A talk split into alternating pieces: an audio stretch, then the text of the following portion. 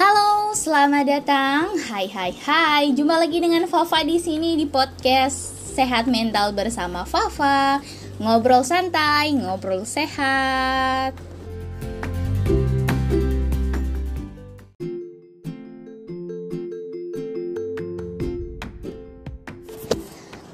Kali ini Fafa ditemenin sama adik Fafa yang paling ganteng nih di seluruh dunia. Yuk coba deh say hi. Siapa nih namanya? Surya Oke, jadi Fafa lagi sama adik Fafa nih Surya dan Fafa pengen teman-teman juga tetap ya keep in touch sama keluarga, sama adik, sama kakak, saudara-saudara yang lain dan tetap semangat menjalani aktivitas kalian.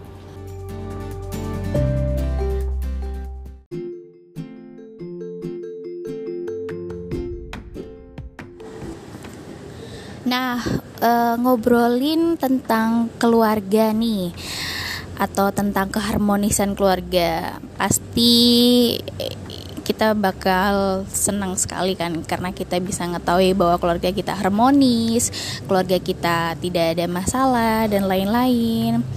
Dan keharmonisan sendiri ini merupakan suatu keadaan di mana seluruh anggota keluarga itu penuh dengan ketenangan, kebahagiaan, kasih sayang, cinta, dan lain-lain. Nah, sesama anggota keluarga nih wajib untuk menghormati, menerima, menghargai keputusan, percaya, dan yang terakhir saling cinta. Nah, buat teman-teman nih, pasti kalian juga tahu kan kalau keharmonisan keluarga sendiri itu apa sih? Contohnya bahwa keluarga kita itu harmonis atau orang-orang itu bisa percaya bahwa keluarga kita itu harmonis. Nah, di sini Fafa punya ciri-ciri khusus nih untuk mengetahui bahwa keluarga kita itu disebut keluarga harmonis apa tidak. Nah, di sini yang pertama ada kasih sayang. Kebutuhan keluarga. Kasih sayang merupakan salah satu kebutuhan dari keluarga di mana dari kita lahir sampai kita nanti tutup usia kita perlu atau wajib untuk mendapatkan kasih sayang antar satu dua belah pihak yaitu dari keluarga, dari ayah, ibu, adik, kakak dan lain-lain kayak gitu. Dan memiliki emo memiliki emosional satu sama lain. Nah, ketika kita saling mengasihi satu lain, maka itu merupakan salah satu contoh bahwa keluarga kita itu adalah keluarga harmonis. Next adalah pengertian, saling mengerti kondisi watak, sifat, dan menghindari pertengkaran. Nah, di sini ketika kita itu perhatian terhadap saudara kita atau keluarga kita, kita pasti bakal mengerti kondisi mereka mereka sedang moodnya bagus atau tidak atau mungkin mereka wataknya itu penyayang atau wataknya itu pemarah. Nah kita itu harus mengerti kondisi mereka. Maka kita bakal menuju uh, keluarga yang harmonis itu semakin dekat gitu. Kalau kita itu saling pengertian terhadap anggota keluarga kita Next ada komunikasi. Nah, ketika kita mempererat komunikasi atau hubungan antara keluarga. Kita memanfaatkan waktu yang efektif, mengetahui keinginan masing-masing atau keseharian masing-masing anggota keluarga atau mungkin tentang kesulitan yang dialami oleh anggota keluarga. Nah, komunikasi ini penting untuk kita semua entah itu dari keharmonisan keluarga atau untuk komunikasi yang lain-lain. Nah, komunikasi ini merupakan salah satu aspek terpenting untuk menjaga keharmonisan, entah itu di anggota keluarga atau di tempat kerja begitu. Nah, yang terakhir nih ada kerjasama, saling bahu membahu saling gotong royong, mendorong sifat toleransi dan saling membantu. Nah, di sini kerjasama dibangun atau dipupuk dengan baik agar kita menjadi keluarga yang harmonis.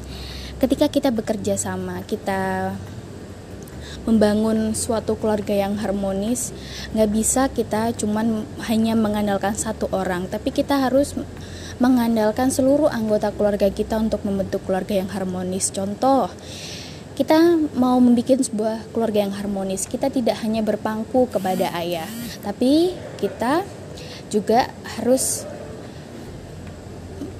bilang ke ibu, ke adik, ke kakak, atau ke kalian sendiri bahwa kita harus membangun keluarga ini secara harmonis bersama-sama.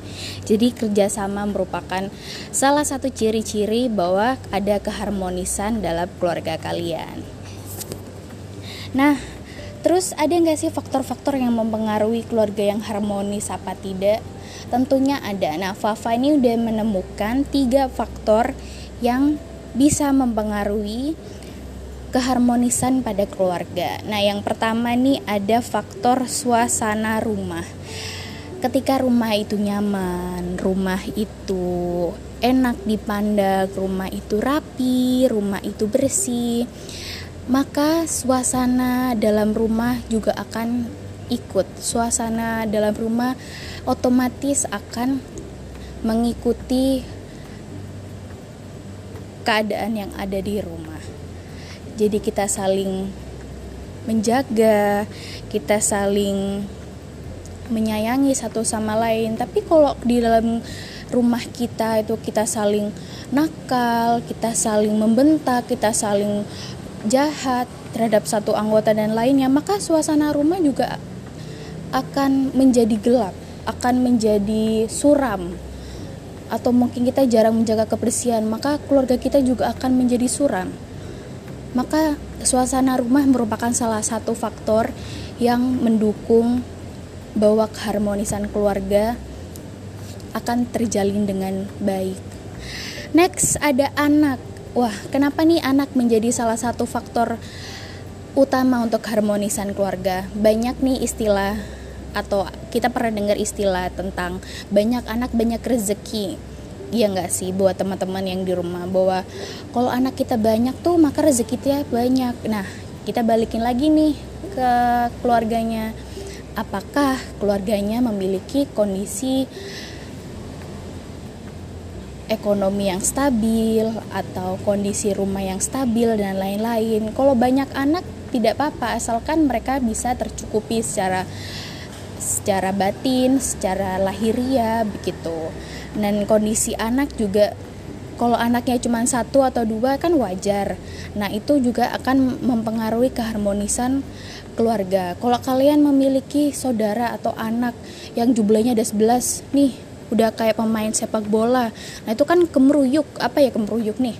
Kayak banyak banget gitu kan. Nah, kalian bukannya tambah harmonis tambah stres karena anaknya banyak nah itu juga bisa mempengaruhi keharmonisan di keluarga Nah, yang terakhir ada kondisi ekonomi. Tadi Fafa sempat menyeletuk sedikit tentang kondisi ekonomi bahwa kondisi ekonomi ini juga salah satu mempengaruhi keharmonisan di keluarga. Ketika kita ekonominya stabil, ekonominya lancar, maka keluarga kita juga bakal stabil, bahkan lancar juga untuk saling menjaga, menyayangi dan mengasihi satu sama lain. Tapi ketika kita ekonomi kita itu ada di bawah rata-rata dan anak kita itu banyak, kita tidak bisa mengatur nih bahwa gimana nih mengkondisikan ekonomi dengan stabil. Maka banyak pertengkaran, banyak cekcok, banyak hal yang tidak seimbang dalam keluarga, maka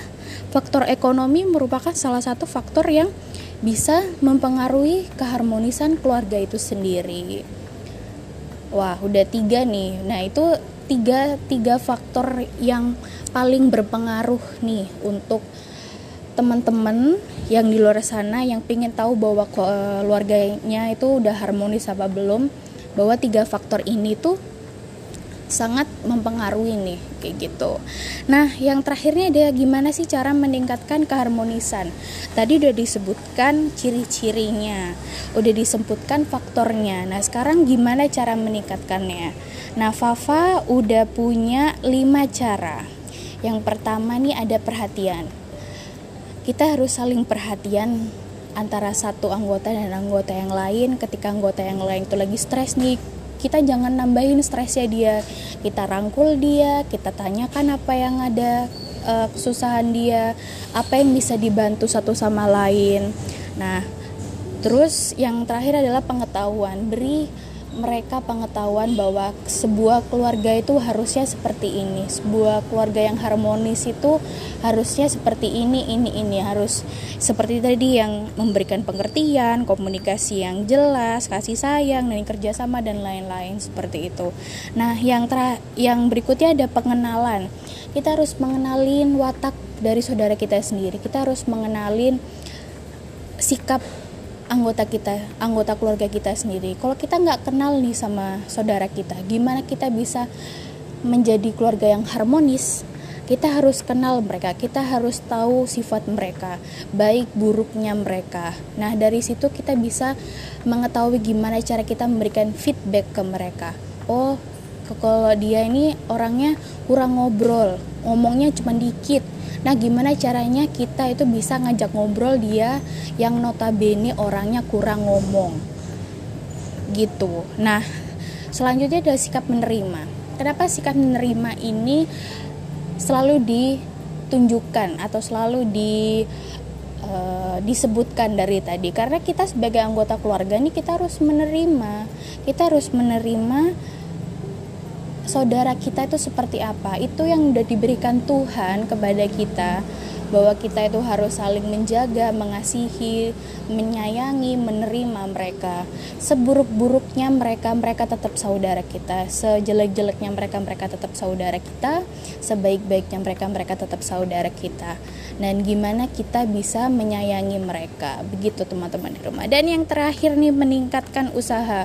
Usaha apa nih ya yang ditingkatkan?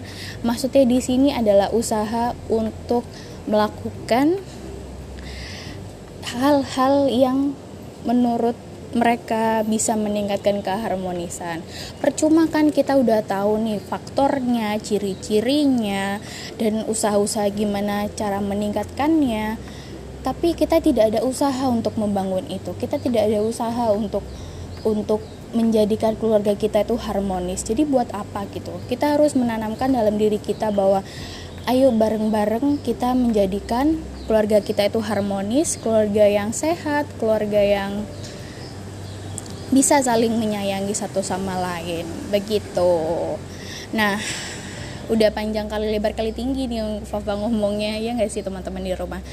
Nah, buat teman-teman di rumah yang sudah setia mendengarkan podcast Fafa, Fafa mengucapkan banyak-banyak terima kasih dan jangan lupa tetap ikutin podcast Fafa Sehat Mental bersama Fafa yang bisa kalian dengarkan di Spotify, Google Podcast, dan beberapa situs yang lain.